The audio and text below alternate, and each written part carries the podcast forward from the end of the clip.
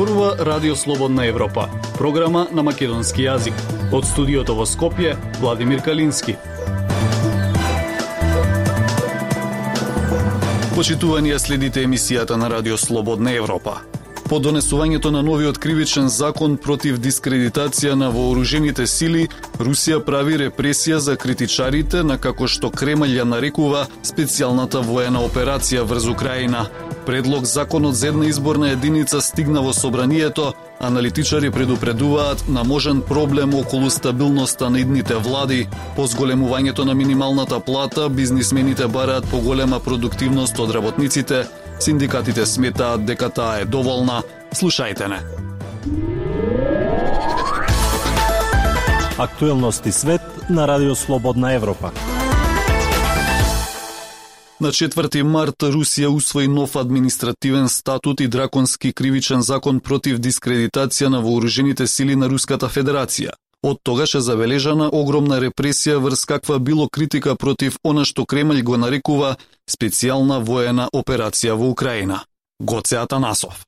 На 14 март Марија Недвецка била информирана од полицијата во западниот руски град Калининград дека незината мајка била пренесена во локалната психијатриска болница.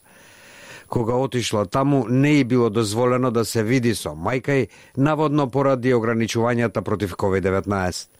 Во болницата и рекле дека незината мајка ќе биде задржана најмалку еден месец.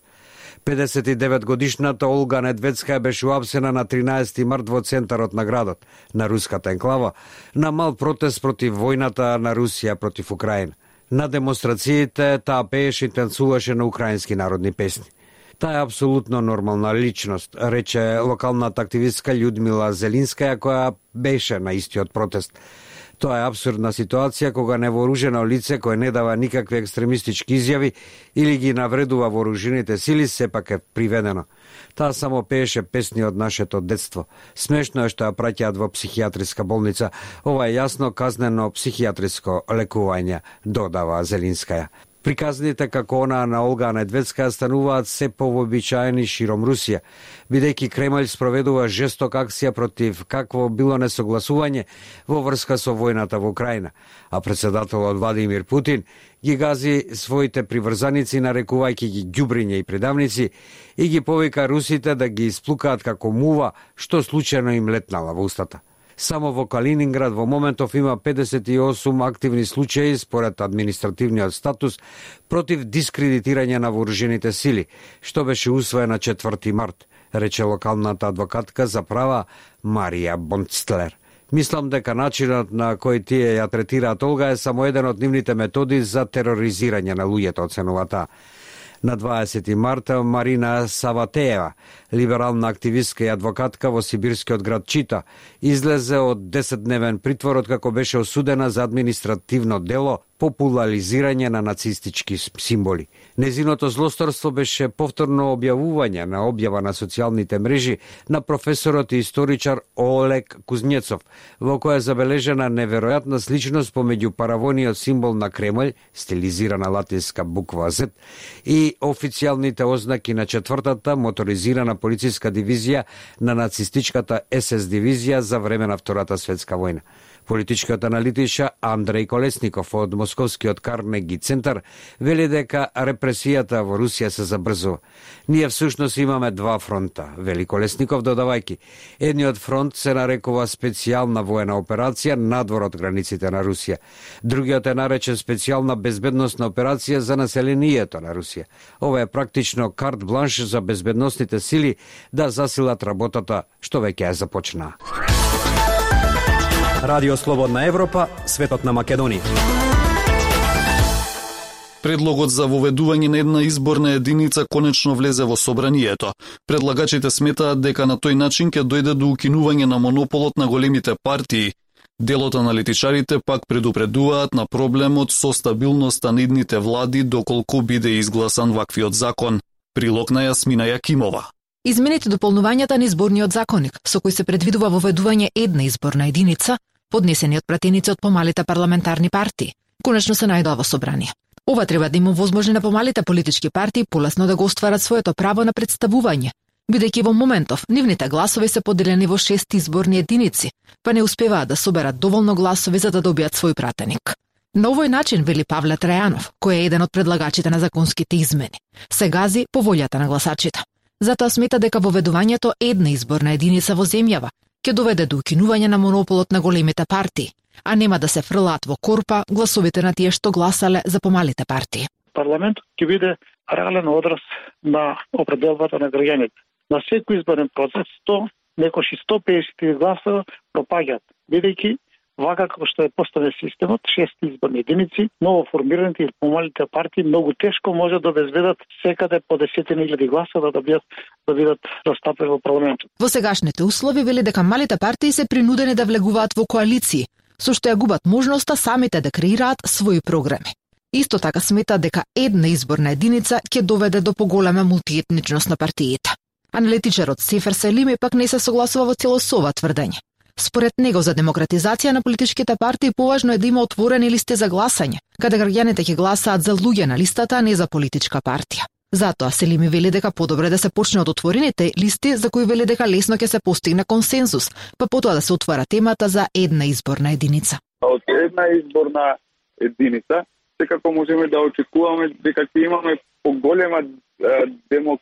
партиска демократизација, да кажеме но од друга страна тоа колку би било издржливо или колку би придонесувало кон стабилна влада, тоа е друго прашање. Додека Трајанов се надева на поддршката за измените од големите партии, со исклучок на Дуј, Селиме останува скептичен дека ќе има промени. Од Дуј во повеќе наврати повторија дека за измени на вакви значајни законски решенија потребен е поширок меѓуетнички и меѓупартиски консензус. Оттаму велат дека не постои усогласеност околу овој предлог закон и се децидни дека изборниот модел треба да ја рефлектира хетерогеноста на општеството, што сметаат дека е овозможено со сегашните шест изборни единици. Од опозицијската ВМРО ДПМН посочија дека ќе го поддржат предлог законот со цел поддржување предвремени избори. И од СДСМ вела дека остануваат на ставот за една изборна единица и отворени листи, но и измени низ широка и инклузивна дебата. Албанскиот политички блок е против овие измени. Инаку во земјава моментално се гласа по пропорционален изборен модел со шест изборни единици, па од секоја од нив се избираат по 20 пратеници. На ваков начин мали се шансите за помалите политички партии, кои покрај тоа што освојуваат одреден квантум гласови, сепак остануваат без пратеничко место. Наши економски проблеми. Ние разговараме за решенија на Радио Слободна Европа. Работниците и работодавците со спротивставени ставови околу тоа дали зголемувањето на минималната плата ќе зголеми и продуктивноста на работниците. За голем дел од работниците зголемувањето на платата нема да промени ништо, бидејќи како што велат со последните покачувања расте и потрошувачката, додека пак за поголема плата стопанствениците бараат поголема ефикасност од своите вработени. Марија Тумановска По зголемувањето на минималната плата на 18.000 динари, газдите очекуваат поголема продуктивност од работниците. Некои од нив пак не веруваат дека тоа ќе се случи се додека не се инвестира во опрема и едукација на вработените. Од синдикалните организации пак сметаат дека со оглед на висината на платите, а високите цени, продуктивноста и досега не била лоша. Председателот на Сојзот на стопански комори и собственик на приватна фирма Трајан Ангеловски вели дека нормално е да се очекува поголема продуктивност од работниците работниците кога се зголемува платата, но и да се редуцираат работните места. Посебно нормално е за секој стопански субјект кога ќе платите повисока цена да побарате адекватна надокнада во труд, материјали, услуги и така натаму за таа зголемена цена. Многу јасен економски параметри. Обратната насока зголемени ангажмани. Доколку не го добиете тоа, се знае ќе мора да барате адекватно решение. Од текстилното трговско здружение Текстилен кластер пак објаснуваат дека продуктивноста на работниците не може да се зголеми проблеми доколку не се инвестира во машини или едукација на вработените. Како се зголемува продуктивноста?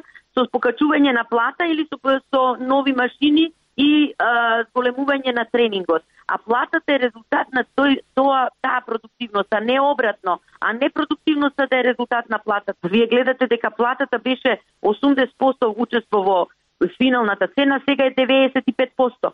Ка, со, со 5% ќе платиш струја, вода, плата за па зашто да се работи? Вели Мирјана Перковска, председателка на текстилниот кластер. Од Сојузот на синдикати на Македонија пак велат дека со оглед на висината на платата која ја земаат работниците, треба да се биде задоволен од продуктивноста. Доколку биле непродуктивни, тие исти работници не би го обезбедиле тој капитал низ годините на тие, поготово во трудоинтензивните дејности. Работодавачите во градежништвото, во металургијата, во текстилната индустрија, агрокомплексот и така натаму. Сите гледаме како живеат работодавачите, а како работниците во Македонија уназад 30 години. Изјави Иван Пешевски, председател на Синдикатот за градежништво при ССМ. Некои од истражувањата кои на оваа тема беа правени по првото покачување на минималната плата покажаа дека зголемувањето на истата воопшто не ја зголеми продуктивноста, туку напротив доведе до намалување на истата заради изедначување на платите меѓу добрите и лошите работници. Од друга страна пак дигитализацијата и инвестирањето на дел од компаниите во опрема го замени човечкиот фактор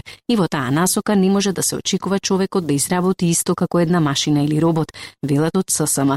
Нормите пак кои треба да ги направат работниците се нереални, па затоа е потребно стручни лица да ја оценуваат продуктивноста на работникот, истакнува Пешевски. Инако минималната мартовска плата ќе изнесува 18.000 динари. Откако власта соопшти дека минималецот се сколемува, беше порачано дека сега треба да порасне и продуктивноста. Култура и уметност. На Радио Слободна Европа. Диши љубов е насловен музичко-поетскиот и визуелен перформанс, чија премиерна изведба е закажана за 25 март во концертната сала на Филхармонија. Негови автори се Джија Немин и Тина Иванова, а тематски проектот говори за љубовта за Скопје, за градот, за воздухот. Љупчо Јолевски.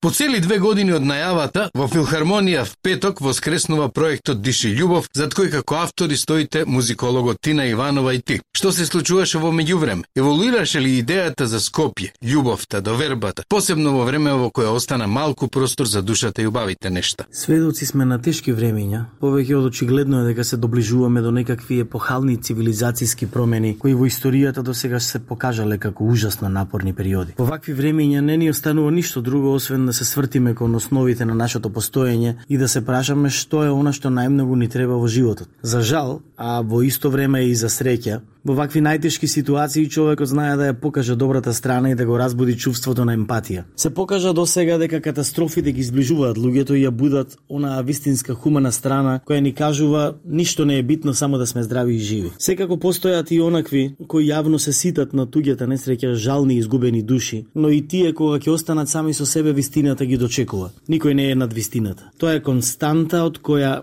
нема бегање. Љубовта е исто толку силна константа од која не можеме да побегнеме. Впрочем, и не треба, треба да ја храниме, Може би нашиот проект Диши љубов ќе не подсети дека љубовта е највозвишеното чувство што еден човек може да го добие. Малку треба, посебно во ова време во кое малку остана простор за душата и убавите нешта. Музички, Диши љубов генерално се подпира скоро на истата екипа од тогаш. Покрај тебе како композитор, аранжер, мултиинструменталист, вокалист, тука се Мучо, Гоце, Ади, гудачите. Станували збор за доерба стекната ни за едничката километража или сепак како автор по комот не се чувствуваш сонит? Моето гледање на сите овие процеси го сублимирам во една реченица. Важно е како ти проаѓа животот. Јас сакам животот да ми помине исполнет со убави работи, да можам да бидам дел од добра енергија и доколку можам да придонесам овој свет, барем за момент да биде поубаво место за живење. Со тоа сакам да кажам дека мене ми е задоволство кога сум во друштво со прекрасни луѓе со кои имаме и сакаме заеднички работи, дополнително доколку тоа се вистински пријатели и одлични музичари, и сите уживаат и се срекни со тоа што заедно го правиме, за мене е знак дека сум на вистинското место и сум бескрајно благодарен за таа благосостојба.